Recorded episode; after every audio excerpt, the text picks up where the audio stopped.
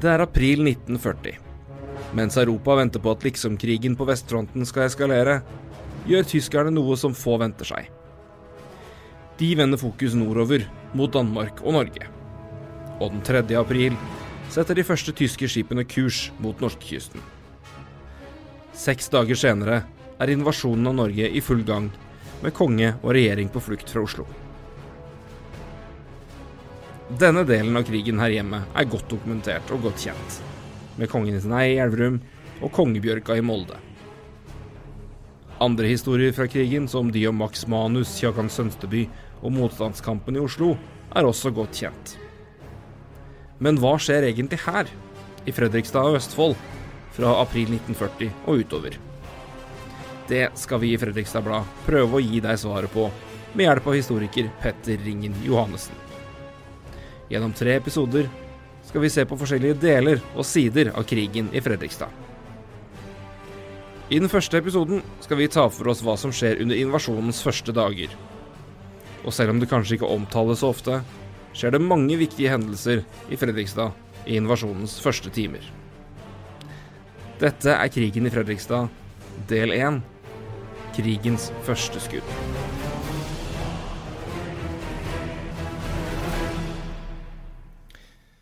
Ja, Velkommen til denne første delen av podkasten. Og velkommen, Petter. Takk for at du vil være med og drive litt historieundervisning for, og krigshistorieundervisning for, for oss.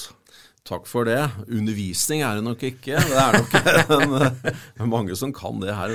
Ja da, men det er, men det er, det er undervisning og underholdning og ja, det som er. For dette er jo en andre verdenskrig er jo et tema som naturlig nok er noe som opptar og interesserer mange pga. nærheten til det og størrelsen med det. Sånn. Men, det, men det, er, eh, det, er, mange ting som fortelles om ved andre verdenskrig, og, spesielt da, de første dagene. Men eh, det er jo, som vi påpeker, det er mye viktig som skjer her i området i de første dagene, som kanskje ikke får så mye eh, omtale som det kanskje burde. Og det er vel det vi skal forsøke å gjøre nå, da.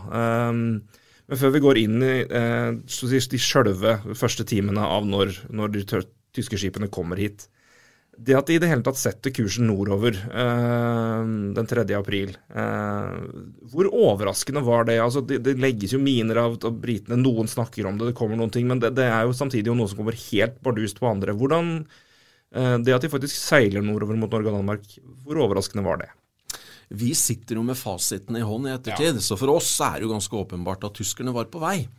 Men uh, når vi spoler tilbake til 1940, så var jo ikke situasjonen like åpenbar. Uh, et lite eksempel på det er jo at, uh, at Norge var jo en bitte liten stat i utkant-Europa den gangen. Vi var små, vi hadde et lite utenriksvesen, vi hadde en forferdelig liten etterretningstjeneste som skulle følge med på sånne forhold. Men hvis vi da drar sammenligningen, verdens største etterretningstjeneste og stormakten Storbritannia, selv de klarte jo ikke å forutse at tyskerne var på vei til Norge. De trodde jo faktisk at eh, det brygga opp til et sjøslag mellom tyske og britiske sjøstridskrifter ute i Nordsjøen. Ja, for de speilet på veien. Ja, for det var det britene så for seg. Og når selv britene kunne ta så grundig feil, så var det nok ikke så lett, selv om det, det kom mange signaler i forkant av 9. april. Og, og, sett i ettertid så er jo mange av dem klare. Men man hadde altså ikke det tilstrekkelige apparatet til å håndtere det her, til å analysere de greiene her sånn, eh, sett med datidens øyne.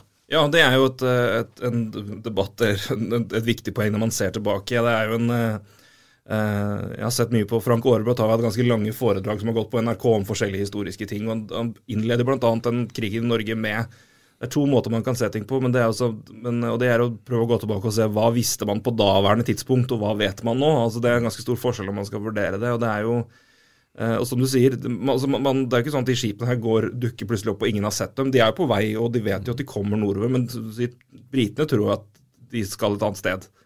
Men så, så, skal de jo ikke det, da. De skal til Danmark og så til Norge. Um, Og, ja, ja, og, og det, her, det, her, er komplisert historie. Altså for uh, det er jo ikke noe uh, er, Vi har fasiten, vi vet hva som skjedde. Men som sagt, uh, Norge var et lite land med få ressurser. Og når selv da datidens stormakt Storbritannia kunne ta så grundig feil i forhold til de tyske disposisjonene, så, så er det nok ikke så veldig rart at lille Norge også tok så feil. Men så kan man jo si det var jo mange signaler på forhånd som kom. Burde vi ikke kanskje vært litt mer forberedt enn det vi var? Det er jo et av de store spørsmåla. Men uh, forberedt eller ei, det kommer uh, en, en, mengde skip uh, oppover, oppover Oslofjorden etter hvert. Og da, det er jo selvfølgelig Blykjer og Oskar Borch som er mest kjent. Men uh, det som fører til at det blir uh, at det er et faktum at de faktisk får melding, det begynner jo lenger sørover og nærmere her. Uh, de første trefningene med tyske skip, hva kan du fortelle om det? Når folk gikk til ro til kvelds 8. april, mandag 8. april 1940, så ante jo man ingen hva som kom til å skje i løpet av de sene kveldstidene, eller timene, og natta. Uh, underveis langs norskekysten så var det jo flere tyske sjøstridskrefter som var på vei. En av dem på vei inn Oslofjorden. Og midtveis mellom Færder og Torbjørnskjær fyr så var det da en liten uh, skute, eller en, gammel hvalbåt, Pol 3 het den. Uh, inne på nøytralitetsvakt, altså i Sjøforsvarets regi, med et lite mannskap kalt inn for anledningen om bord. De kjørte da altså i, ved 23-tiden på kvelden 8. april, hadde akkurat snudd ved, ved Færder fyr og skulle tilbake til Torbjørnskjær. Oppgaven var det var ytterste vaktpost i Oslofjorden. De skulle da påse at ingen fremmede lands fartøyer kom inn fjorden. Det var mørkt, det var tåkete, og på broa så sto det en Fredrikstad-kar ved ror Peder Olsen fra Slevik het han. Og det var også nestkommanderende om bord, løytnant Hans Bergan. Han sto og speida utover, og plutselig så så de konturene av to mørklagte skip som kom inn i mørket. Men det var så tett tåke, så man var ikke helt sikre. Men Hans Bergan han valgte å gå inn og vekke skipperen om bord, Leif Elding Olsen, for sikkerhets skyld. Kom ut på broa, Leif. Det her må vi se på. Det gjorde dem. Og de titta, og plutselig så åpna tåka seg igjen, og da så man da altså rett inn på det vi må få lov til å kalle et stålbeist på 200 meter. Det var Blücher som kom, det visste man jo ikke den gangen, men det var altså en stor krysser som kom. Pol 3, det var et lite fartøy. Og bak Blücher så fulgte det jo en hel armada. Det her var et helt uvirkelig øyeblikk for dem som var om bord i Pol 3. Det, jo, det, kan jo ta noen på senga og gjøre mange skrekkslagne og hva verre er, men eh, de handler jo og, og, gjør jo en heroisk innsats på den båten der. Ja, jeg må jo si, eh, sett i ettertid ehm, Jeg har tenkt på den situasjonen mange ganger, og jeg får frysninger på ryggen. Ja. For hva er det de gjør om bord i Pol 3? Jo, for å bruke litt sånn bildespråk, de steller seg jo midt i veien. Det kommer altså en armada med ukjente krigsskip inn fjorden, ytterst i fjorden, og der ligger lille Pol 3. De er bestikka med en bitte liten kanon på fordekk. Og når det kommer en krigsmaskin mot dem, så steller de seg på tvers, billedlig sagt, midt i veien. Og så går altså Velding Olsen ut med det du kan kalle for en ropert. Stans, eller vi åpner ild. Det er liksom det om å se det bildet der. Snakk om å følge instruksen. Snakk om å være plikttro. Det er nesten så man ikke kan tro det engang. Og det her går jo da for Pol 3s vedkommende, og ikke minst for Leif Velling Olsen, forferdelig galt. Ja, For hva er det som skjer, eh, skjer da? Det her går jo veldig fort, vi skal ikke ta alle detaljene, men det ender jo med at man avfyrer et varselskudd som uh, de fremmede skipene ikke tar notis av, den bare fortsetter. Men så er det én av den fremmede fartøyene som stanser opp, og tydeligvis skal da ha et eller annet uh, med Pol 3 å gjøre. Uh, her smeller man inn i skipssidene på hverandre. Og Leif Elding Olsen han gir ordre send opp rakettene de sender altså tre raketter bak fra broa på Pol 3. Det er for å varsle instanser innover på land at fremmede fartøyer bryter sperrelinja. Da går alarmen inne på Rauøy fort og på Bolærne fort, for de står og ser på at uh, de røde og hvite rakettene flyr opp i lufta, og da betyr det det er alarm. Samtidig så setter radiooperatøren på Pol 3 i gang en kort melding for å sende inn til basen i Horten med akkurat samme budskap, men det hører tyskerne sannsynligvis, for idet Velding Olsen på, springer på leiren på vei tilbake til broa, så blir stillheten brutt av ildsalver. Tyskerne begynner å fyre løs med maskinkanoner mot uh, Pol 3, og Velding Olsen er den første som blir truffet. Han blir alvorlig skutt, eller alvorlig skada, skutt i begge beina, og faller om inne på broa. Nå er klokka 23.07 8. april. Og det er sto, et stort drama under uh, oppseiling ute i Oslofjorden. Det her er det ingen som vet om rundt i Norge. Krigen er i ferd med å nå Norge, og det er bare 14 mannskaper på Pol 3 som vet hva som er i ferd med å skje. Men alarmen har begynt å gå innover på kystinstallasjonene da rett utenfor Fredrikstad. Jeg må jo da spørre, som en person som er uh ja, litt over gjennomsnittlig interessert i historie, andre verdenskrig eh, spesielt. Men det her er jo noe som eh, høres ut som en fortelling og en historie som burde vært brakt opp som en av krigens galante hendelser og varslinger. Men det er jo noe som jeg ikke hadde hørt noe om før du fortalte meg om det her når vi gikk inn der først. Hvorfor er det altså Det er jo noe som ikke snakkes om når man snakker 9. april. Er det, er det noen grunn til det? Er det det at Blücher er så Altså det på en måte ble så viktig at det får tar alt? Hvorfor har man ikke snakka mer om den båten og den, den skipperen. Episoden med Pol 3 ute i Oslofjorden er jo gjennom åra godt eh, omtalt mm. uh, i litteratur osv. Uh, men, men så er det nok det som skjer ved Oscarsborg festning da Blücher blir ja. senka, det, det, er så stort, og det overgår nok uh, hendelsene. Men det er viktig å vite merke i det at det var Pol 3 og handlingen der ute som varsla innover at nå er det noe som skjer. Når alarmen går på kystfortene innover og i Horten, så blir jo Oscarsborg varsla. Alarmen går. Noe er i ferd med å skje. Og hadde ikke det her skjedd ute i utløpet av Oslofjorden, så er det umulig å vite hva som da hadde skjedd senere. Kanskje hadde faktisk tyskerne kommet seilende i ly av tåka og mørket inn Oslofjorden ubemerka. Det, jo, det, er, det, her er hypotetisk, ja. men det kunne faktisk ha skjedd. Så det som foregår når mannskapet på Pol 3 billedlig talt setter seg midt i veien og sender varsel, det redder på mange måter situasjonen eh, for Norges vedkommende. Du nevner at eh, alarmen går, og det går til eh, Bolærne og, og, og Rævøy. Eh, Rævøy er jo et sted som også blir veldig viktig de neste timene. Hva, hva, hva skjer der? Alarmen går på Rævøy. Og når klokka er eh, halv elleve, eller halv tolv, 23.30 ca., så er fortet klar til strid. I løpet av 15 minutter så har altså mannskapet, det var eh, ca. 270 mannskaper, kalt inn på nøytralitetsvakt. Og her skal vi bare ta et bitte lite sånn apropos. For hvem er de folka her? Jo, det er sivilister. Det er 40-åringer, det er 38-åringer som var inne til militærtjeneste for 20 år siden. De er kalt inn på nøytralitetsvakt, møter til tjeneste 5. april. Har så vidt fått på seg uniformene. Det her er pappaer, det her er sønner, onkler, besteforeldre osv. Det er altså en gjeng med sivilister som har fått på seg uniformen, og som har friska opp uh, de her orden med å marsjere osv., fått utlevert børsa si og så smeller det. Det er de 270 på Rævøy, og det er greit å ha i bakhodet altså når vi snakker om hva skjer videre, for tyskerne seiler jo videre. På Rævøy er det mørkt, det er mørklagt, man har ikke strøm der ute, strømmen har ennå ikke nådd Rævøy fort, så, så, man befinner seg jo i en litt annen verden. Men folka ligger klare ved de fire store, grove kanonene der ute, og plutselig så hører man eh, lyden av at det kommer en armada, men tåka er så tett, den siger på.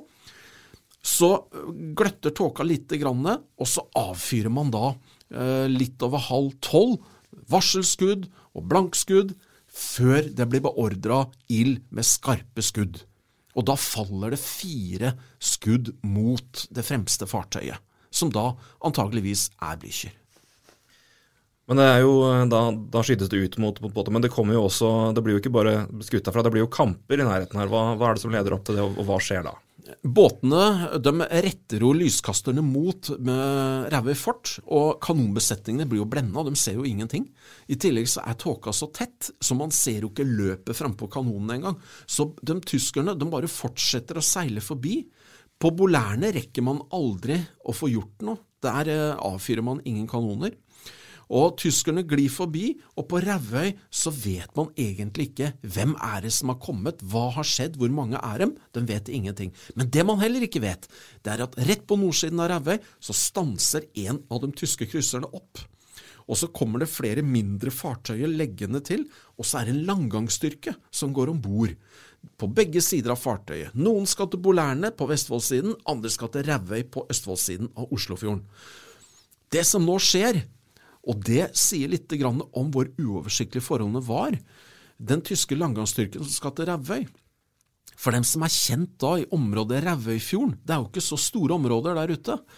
Men tyskerne er altså Det er mørkt rundt dem, det er nattemørke, det er tåke, og i over tre timer så kjører da den tyske langgangsstyrken på kryss og tvers i farvannet utenfor Engelsviken uten å komme til Rævøy eller til fastlandet. De ser altså ingenting. Og det sier litt om værforholdet og sikten den, eh, den natta til 9. april. Så vil tilfeldighetene ha det til at uh, tyskerne de ser land. Og tys en tysk løytnant, løytnant Jeger, han hopper om bord i en liten båt sammen med en feltwebel, en sersjant, og så padler de inn til land, til det nærmeste huset de ser. Det er da Vabukta, inne på Engelsviken, eller på utsiden av Engelsviken. Går til et hus. Det er klokka ca. halv fire om morgenen. Banker på døra, ingen som svarer. Går til neste hus. Der vil tilfeldigheten ha det til at der eh, bor det en kvinne og med barn som venter på snekkeren. Og snekkeren har sagt han skal komme grytidlig neste morgen. Men uh, hun må jo mest sannsynlig ha trodd at uh, jeg syns det her var litt vel tidlig å komme, da, for Hans Dekkeren. og fire er litt tidlig. Ja, og det er jo i ettertid, for oss som lever i dag, det er bare helt umulig å forestille oss den situasjonen når du lukker opp døra, og så står det to fremmede menn i krigsuniform, med våpen, med malte ansikter osv., og, så videre, og spør på gebrokkent norsk hvor er vi? Hvor er vi? Inn på kjøkkenet hennes, bretter ut et kart og spør, peker, hvor er Rævøy? Og hun peker på kartet, og så peker hun ut der. Danke, sier tyskerne. Mest sannsynlig så er jo hun den første sivile nordmann som har vært i nærkontakt med den som nå kommer for å overfalle Norge. Det er helt utrolig historie. Det er helt, eh, helt utrolig. Ja, og tyskerne de sier jo danke, og tilbake til den lille båten, padler ut til langgangsfartøyene, eller altså det er, det er mindre tyske eh, krigsskip, og setter kursen mot Rævøy. Den kvinnen her ute, hun skjønner jo at det her er noe som ikke stemmer. Så hun går jo til det nærmeste huset hvor hun vet det er telefon der ute. Det er da disponenten på en fabrikk der ute, Johnsen het den vel. Og han ringer jo da ut til Rævøy fort, ber om å få snakke med, med fortsjefen, eh, Enger. Og Enger, når han får høre den historien her, så skjønner han at nå er det i ferd med å skje noe. Og så går alarmen på Rævøy for andre gang. Men den gangen her så er ikke ved kanonene ut mot fjorden. Nå må man snu alt man har, og så må alle de 270 mannskapene springe fra stillingene sine og finne seg nye midlertidige stillinger inn mot Engesviken. Altså, fortet er i ferd med å bli falt i ryggen av en langgangsstyrke, og man vet jo ikke at det er tyskerne som kommer fremdeles. Man antar det. Og så går ting veldig fort, for idet ute på Rævøy fort, ved kaiområdet der ute i Bogen, så nærmer det seg et tysk krigsskip. Og da begynner man å fyre av med den ene store kanona som står oppe på toppen av det såkalte Singelfjell der oppe. Den fyrer av, og tyskerne må avbryte eh, forsøket på å komme seg til land. Legger ut røk, bakker utover, og finner et nytt landgangsområde på et sted der ute som heter Revebukta. Der finner man litt le av noen eh, fjellknauser. Der går den tyske landgangsstyrken i land, kommer to fartøyer, slipper i land, og så begynner nordmennene å skyte og skyte med alt man har tilgjengelig. Av Én kanon, man får bare snudd én kanon.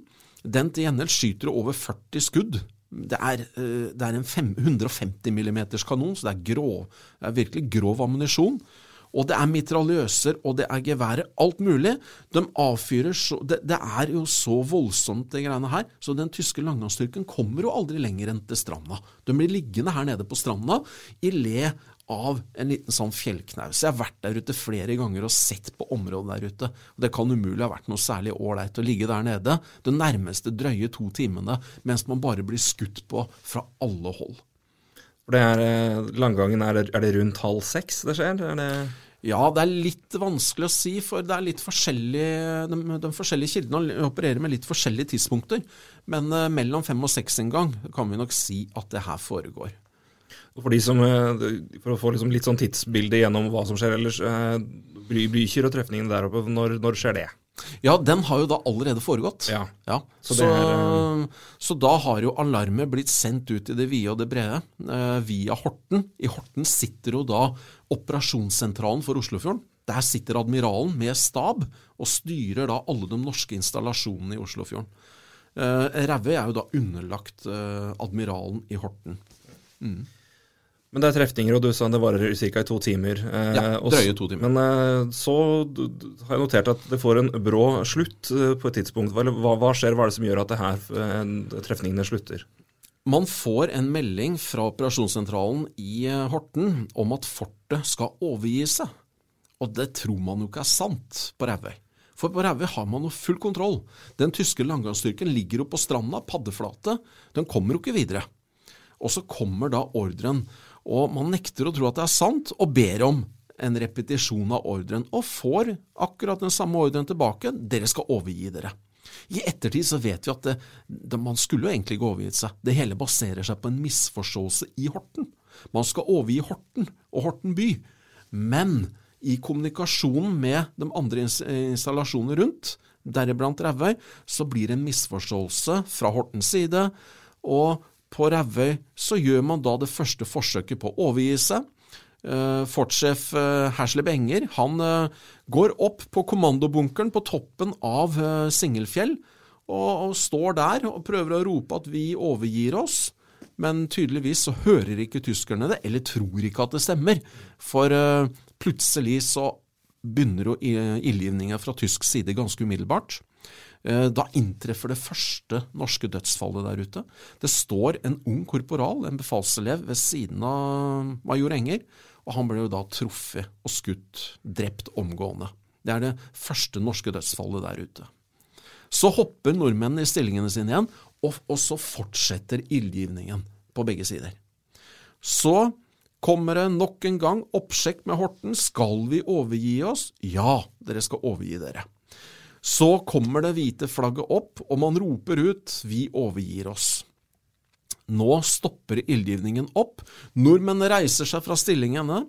Nede ved Revegårdsbukta, oppe ved oppsynsmannsboligen, så er det en eh, kar fra Vestfoldsiden som reiser seg opp, har lagt i stilling der. Reiser seg opp akkurat idet her foregår, legger fra seg børsa si, snur seg og skal gå mot huset, og så blir han skutt i ryggen. Han blir nordmann nummer to som blir drept der ute. Uh, en tragisk historie i seg sjøl. Det er, du vet at det, historie. Det er de store linjene, det er de store begivenhetene, det er de lokale begivenhetene, og så har vi enkeltindividet inni det her. Han som blir drept nå, han var frisør av utdannelse, var inne på, um, på nøytralitetsvakt.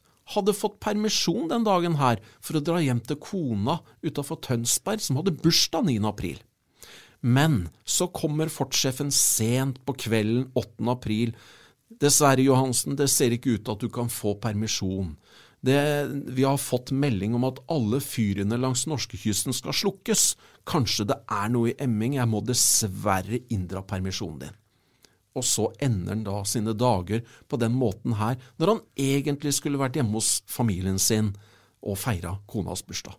En liten tragisk personhistorie midt oppi det hele. Ja, det er mange skjebner som, uh, som, påvirkes, og som er de små historiene som uh, Mange av dem får vi aldri høre om, men de man får høre om, det gjør inntrykk.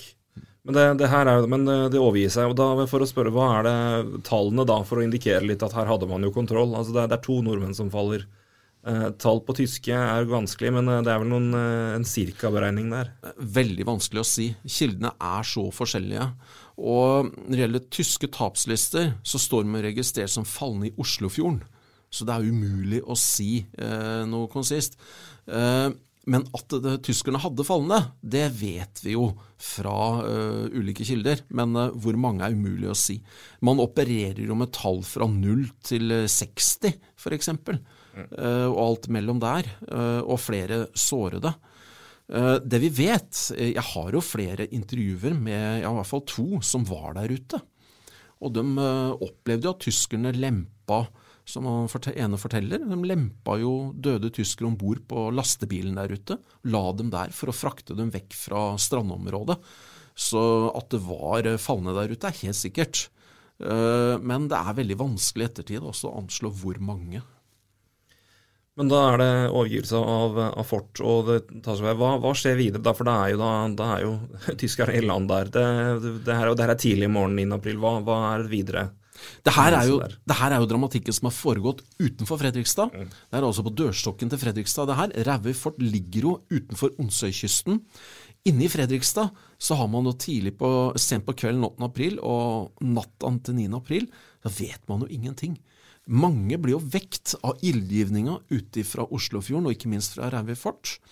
Men man er vant til øvelser også, så man tror jo det beste. Og når befolkningen våkner opp på morgenkvisten 9. april, så er det jo flere som hører på radioen at det har foregått noe. Andre enn går jo på jobb. Skoleelever går på skolen, og man aner ingenting om hva som da har foregått. Tidlig på natta, så bare for å fortelle litt om eh, hvordan krigen nådde Eh, Fredrikstad, altså på natta i tillegg til det her. Så kommer jo telefonen, for telefonnettet bryter jo sammen. Eh, på Victoria terrasse i Oslo så er regjeringen kalt sammen. De sitter jo i krisemøte når det her foregår. Og så eh, begynner man å ringe rundt og varsle militæravdelinger, politimestre og sykehus osv. for å gjøre landet liksom, klart til beredskap. For Fredrikstads vedkommende så er det vanskelig å komme gjennom, for telefonnettet bryter sammen. Og det er det militære telefonnettet eh, som man ikke da får til å fungere. Så Forsvaret i gamlebyen er totalt uvitende om hva som skjer. Det blir politiet på politistasjonen i gamlebyen i Fredrikstad. Der får man en telefon. Dere må vekke Forsvaret. Dere må gi en beskjed om at det er kommet krig til landet. Det er helt uvirkelig beskjed å få når du sitter som ensom politimann på politivakta i gamlebyen. Det er krig, du må varsle Forsvaret. Eh, hvordan skal man ta imot det her? Hvordan reagerer man? Hvem er du som ringer meg, forresten? Og så videre og så videre. Men man får da klarlagt det. Jeg kjente veldig godt den andre, eh, altså den som ble varsla. Han døde i fjor. Uh, for uh, den andre politimannen som var på vakt, han satte seg på sykkelen, sykla bort til der hvor han visste det bodde noen offiserer, banka på vinduet, og den han vekte, var en som het Wilhelm Molberg Nilsen.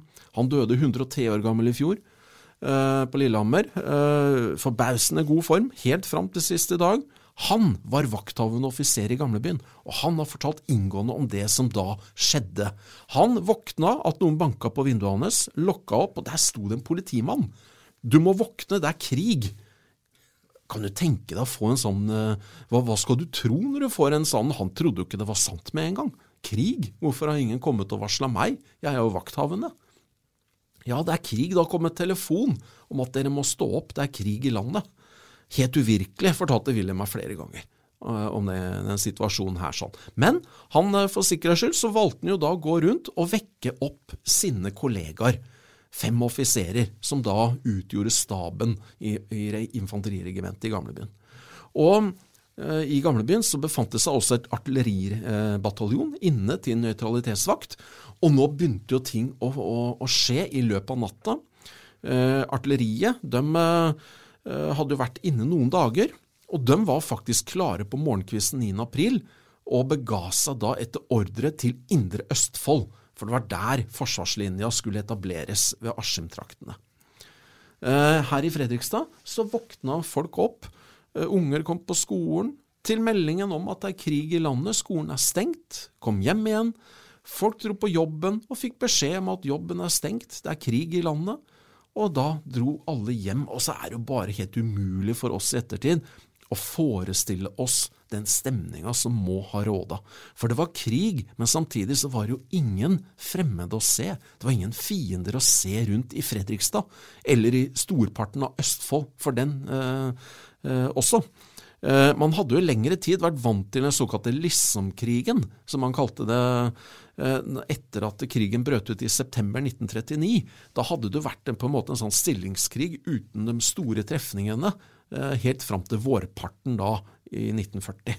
Så eh, man var liksom litt sånn usikre. Men så kom jo det som alltid skjer når situasjonen er uavklart. Ryktene begynte å løpe. Og i løpet av 9. april så kom alle ryktene. Tyskerne er sett i Skjærviken, tyskerne er sett på, på Ørebekk, osv., osv. Masse rykter. Politiet rykka ut en hel haug sånne rykter. Forsvaret sendte ut patruljer, men det var ingen å se. Så det var spesielle tider. Og rykter, rykter skaper frykt i befolkningen.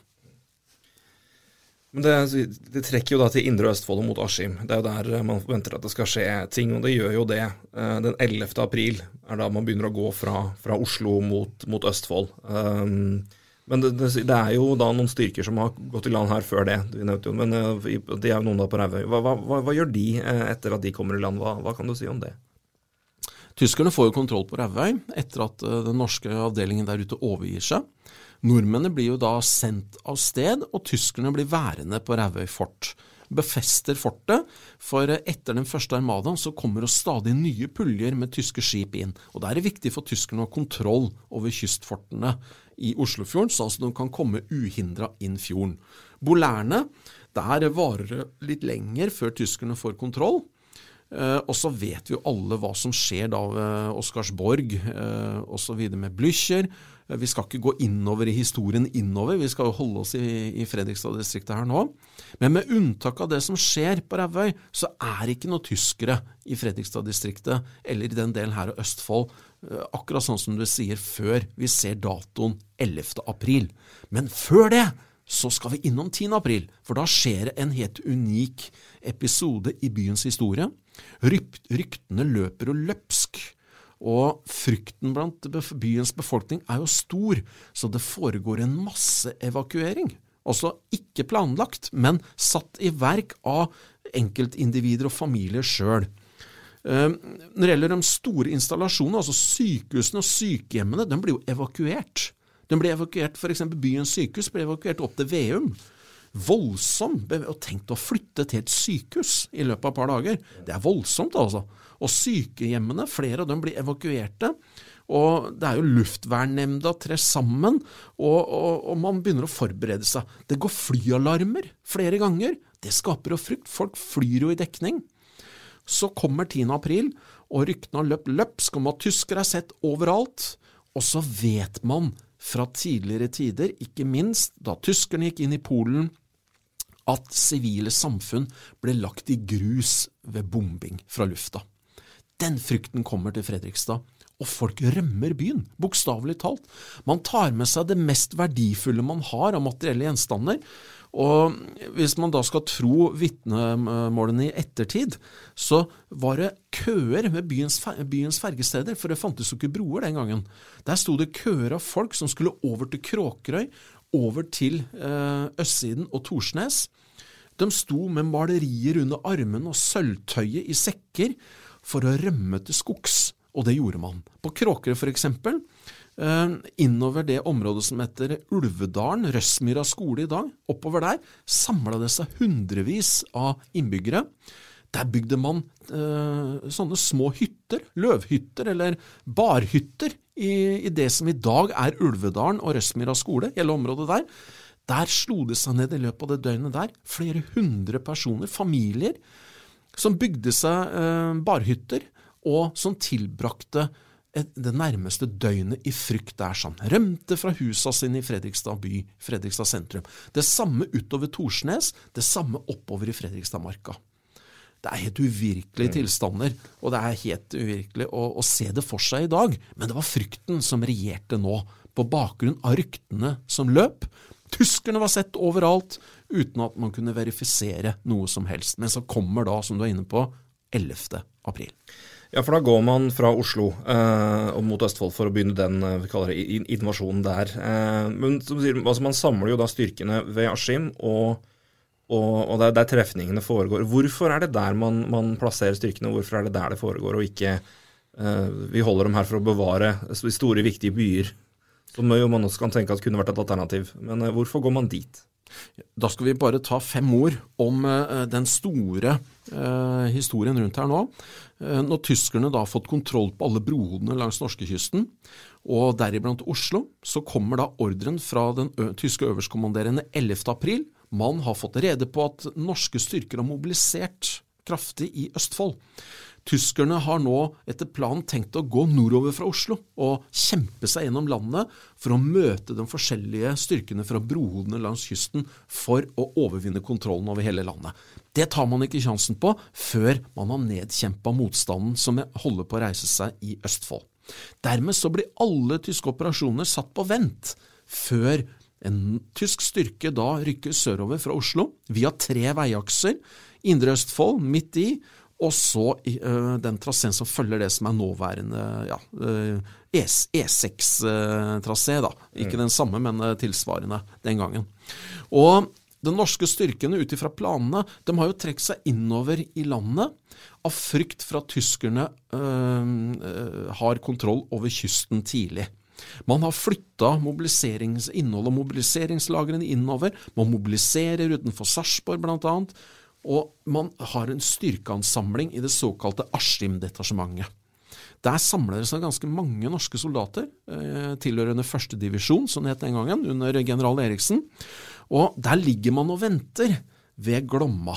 Flere sånne grupper langs broene, langs eh, øh, Ja, det som jo er spesielt, er å, i Indre Østfold så er det jo bygd ut et nettverk av befestninger fra 1905 Problemet med dem er at alle vender østover. Jeg skulle til å si det. Nå ligger man altså uh, med ryggen mot sine egne stillinger, og med blikket mot vest isteden. Og det er jo ved Askim, utenfor Askim, ved Fossum bro, der er jo da broforbindelsen som følger E18 over. Og det er der man venter at tyskerne skal komme. Og det gjør de jo til slutt.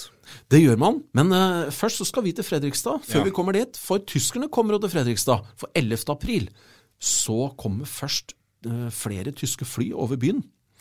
Uh, og det blir ganske dramatisk sett med Fredrikstad-innbyggernes øyne, for byen har jo aldri vært bomba fra lufta før. Og det har vært tyske fly i luftrommet over Fredrikstad flere ganger, 9. og 10. april. 11. april så kommer det tre tyske fly. Det er noen som står på vollene i gamlebyen. Det er noen norske marinesoldater tilhørende marineskip som lå på FMV. De står med riflene sine og begynner å skyte etter de tyske flya. Så snur flya i lufta, og så begynner de å skyte med mitraljøsene. Bortover langs det som i dag er byens bryggepromenade, så fyrer tyskerne løs med mitraljøser, og så plutselig så hører folk høye smell. Tyskerne slipper da 21 bomber over Fredrikstad. Eh, det var mindre eh, Det var ikke så store bomber, men eh, bomber er bomber.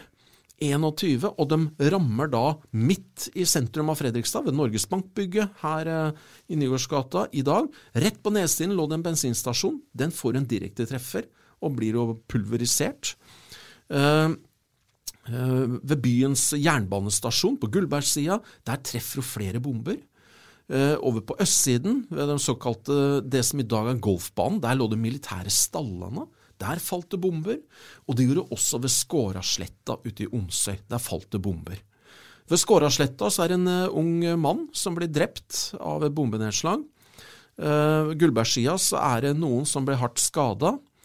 Ved stallene utenfor gamlebyen så er det en mann som får hjerteinfarkt av det her, og dør. Og det er en av krigens virkelige tragedier. For han har sagt ha det bra, lykke til, gutten min, til sønnen sin, som drar, som er løytnant i reserven og drar til Fossum bro dagen før, eller to dager før. Han ble skutt og drept ved Fossum bro, ved kampene der. Og faren blir altså drept av et hjerteinfarkt i sjokk, bare med noen timers mellomrom en av de virkelig tragiske eh, familiefortellingene fra Fredrikstad i de dramatiske dagene eh, i byens historie. Mm. Bommene faller på, på, formiddagen, og så er det Eh, og så kommer jo da eh, Men det tar litt, ennå litt tid før, før, kommer, før, soldatene kommer inn. Men det, da er det vel da trefningene i Fossum et, et, et, som kommer da senere på dagen 11. Mm. Hva, hvordan, hvordan, foregår de? Eh, tyskerne kommer jo uh, i mørket, og den følger jo E18-traseen og nærmer seg broa. Man hører at det kommer. Tyskerne har rekvirert lastebiler Eh, jeg tror det var fra Skøyen bilruter, eller hva det het, ja, i Oslo. Der kommer den tyske styrken. Og man ligger jo også Nå må man sette seg inn i situasjonen her sånn. Ved Fossum bro, ved brogruppene rundt der, så ligger det altså vanlige sivile nordmenn. Det er jo ikke soldater. Det er sivile som har fått på seg en uniformsjakke og en bukse og fått et gevær i hånda. Det er sivilister alle sammen som har meldt seg til tjeneste. Det er fedre, det er besteforeldre, det er sønner, det er onkler osv. De har lagt der i over et døgn og venta, livredde, gjennomvåte og sultne, for det hadde snødd opp til en halv meter snø, bløt snø, eh, de dagene her. Så det var jo bløtt og jævlig. Um, der lå de og venta, og hva venta de på? Jo, den sivilistene som lå der, venta på verdens mektigste krigsmakt skulle komme, og oppgaven var at du skal stanse dem. Se for deg det der bildet der. De er livredde, og så hører de lyder på andre siden av Fossum bro. Så ser man etter hvert at det kommer saktekjørende noen busser. Om bord i bussene er de er lasta med tyske soldater. Og så starter ildgivningen. Den første tyske bussen blir jo gjennomhulla med tap, store tap av tyske soldater. Buss nummer to blir også truffet ganske godt, og så stopper resten lenger innafor. Kampene Fossen bro er i gang. Hvor lenge foregår de, da? Den foregår eh, litt av og på ved flere anledninger gjennom døgnet. Ehm, eh, først så blir man slått tilbake. Det kommer et eh, tysk angrep. Det blir slått tilbake. Så forsøker nordmennene å sprenge broa. Det blir mislykka. Man klarer bare å løfte brodekket litt før det ramler ned igjen, og ingen større skade skjedd. Ehm, så begynner tyskerne å ta seg over ehm, isen nede i Men da åpner man fossen litt lenger oppafor, og, og vannet feier jo flere tyskere nedover. Eh, men, de, men, det kommer ikke de store vannmengdene som man håper på. Men tyskerne trekker seg tilbake, og ildningen var stanser. Og så, midt på natta, så kommer det et nytt angrep. Og nordmennene som ligger her, de er jo egentlig veldig dårlig utstyrt, også når det gjelder våpen. De ligger der med riflene sine og maskingeværene sine, mens tyskerne har masse moderne våpen. Et av dem er jo da når man eh, sender opp lysraketter over de norske stillingene. Altså, det er bekmørkt ute. Så kommer en angriper som du ikke ser, men de sender opp lys over deg. Så de ser deg, men du ser ikke dem. Og så kommer de stormende og så blir det noen voldsomme ildscener som foregår. En del nordmenn faller, en del tyske soldater faller, og så vinner tyskerne det her, Nå tar jeg historien veldig fort. Mm. Eh, så vinner man da eh, slaget ved Fossum bro. Nordmennene trekker seg tilbake. Eh, og tyskerne har kommet over den viktige broa, over der hvor den norske hovedsperrelinja lå. Da fortsetter du, men uh, vi får gå tilbake til uh, Fredrikstad. For der er det jo uh, kvelden 12. april så kommer tyskerne inn, og det er ganske uhindra. Ja, jeg vet at i Fredrikstad så har jo Forsvarets lokaler i gamlebyen er jo tomme. Der har jo Lagrene er tømt, alle er mobilisert, og alle har dratt til Indre Østfold. I Fredrikstad er jo ikke en eneste norsk soldat. Alle er klare for krig i Indre Østfold. Når den tyske uh, styrken kommer jo ut i Omsø, ut ved Ørebekk, og så stanser man opp. Og så sender man inn noen tyskere på sykkel for å sondere terrenget. Og førstemann som kommer syklende inn på torvet rett på nedsiden av her vi sitter nå, uh, det er jo en uh, tysk fenrik som heter Inderweide. Bryggerimester, hvis jeg ikke husker helt feil, i det sivile. Han kommer da inn og blir tatt imot av politiet og gir beskjed tilbake, og en kar sykler videre tilbake, og så kommer da resten av den tyske styrken inn i Fredrikstad by. Så man, så besetter man da viktige, altså telefonsentral og politistasjon osv., osv., før man tar ferje over til gamlebyen og besetter da Forsvarets eh, lokaliteter i gamlebyen. Det foregår på en fredsommelig måte da sent på kvelden. Tyskerne går til eh, til ro. Og neste morgen så begir brorparten av den tyske styrken seg underveis til Sarpsborg. De skal rense opp Sarpsborg, videre til Halden, og liksom gjøre klart de store byene. Men underveis til Sarpsborg så dukker opp en ny hindring, og det er da Greåker fort. Ja, hva skjer der? På Gråke fort der har det samla seg hvis jeg tar antallet med klype salt, jeg tror det var 79 eh, norske eh, soldater. Ja, det er jo ikke soldater, det er jo frivillige, det er sivile som har meldt seg til tjeneste. Det er to offiserer, to-tre offiserer, og resten er eh, sivilister. Og de har meldt seg, og de har blitt kledd opp og fått utlevert geværer. Og for alle dere som har vært på Gråker fort, der oppe er jo befestninger fra unionsoppløsninga, eller fra tiden rundt der. Det er blant annet såkalt geværgallerier. Det er altså eh, dekka stillinger hvor man kan ligge med utsyn utover hele området rundt. Ikke minst da veitraseen fra Fredrikstad over Gråkesundbrua og videre mot Sarpsborg. Når da den tyske styrken kommer oppover Ålsøy, nærmer seg broa, så fyrer man løs fra Greåker fort. Og Tyskerne må da stanse opp, gjør nye forsøk på å komme over. Til slutt så kommer man jo over broa. Ikke minst eh, da når man først ikke kommer over pga. ildgivningen, så gjør jo da tyskerne noe man egentlig ikke skal gjøre. Man går inn i et av husene, drar ut to unge kvinner og jager dem foran seg over broa. Den ene får skutt av flere fingre av noen skudd fra Gråker fort, men så ser man jo oppe i fortet at tyskerne tvinger to sivile norske kvinner foran seg over broa, og da stopper man jo å skyte. Tyskerne kommer over, og så stormer man oppover fjellsiden og tar fortet. Man velger å overgi seg da på Gråker fort. Og da er vel eh, indikasjon på at nå er en litt annen hverdag begynner å sette seg. Og det rundt omkring når man da, etter hvert som tyskerne kommer lenger og lenger inn. Et, et eksempel på det er eh, det blir jo et opprop slått opp i Fredrikstad på morgenen 13.4. Jeg skal lese av det nå for å indikere at uh, hva som møtte Fredrikstads befolkning da. Til befolkningen av Fredrikstad by og nærmeste omegn. De tyske tropper har besatt byen og distriktet. Det er en kjensgjerning som alle må bøye seg for. Kommandanten for de tyske tropper i Fredrikstad vil melde at befolkningen kan føle seg trygg for korrekt behandling fra soldatenes side. Det forlanges imidlertid at befolkningen i alle høve opptrer sindig og rolig. Enhver utfordrende opptreden fra befolkningens side vil føre med seg ubehageligheter for befolkningen og vil bli hardt straffet. Kommandøren for de tyske tropper i Fredrikstad. Mm. Det er en ny hverdag i, i vente her. Absolutt. Landet er jo angrepet, overfalt av en fremmed makt. Eh, den Norge man kjente når man gikk til sengs eh, kvelden 8. april, det er borte. Nå er det en ny situasjon. Det er usikkerheten, det er frykten som råder, og eh, plutselig rundt omkring i byens gater så går det tyske uniformer med den karakteristiske stålhjelmene på hodet, med våpen, og det er frykten, det er usikkerheten. Hva skjer nå? Det er den som regjerer rundt omkring i folk sin. Og hva som skjer og hvordan den hverdagen blir, det skal vi snakke mer om nå straks i del to.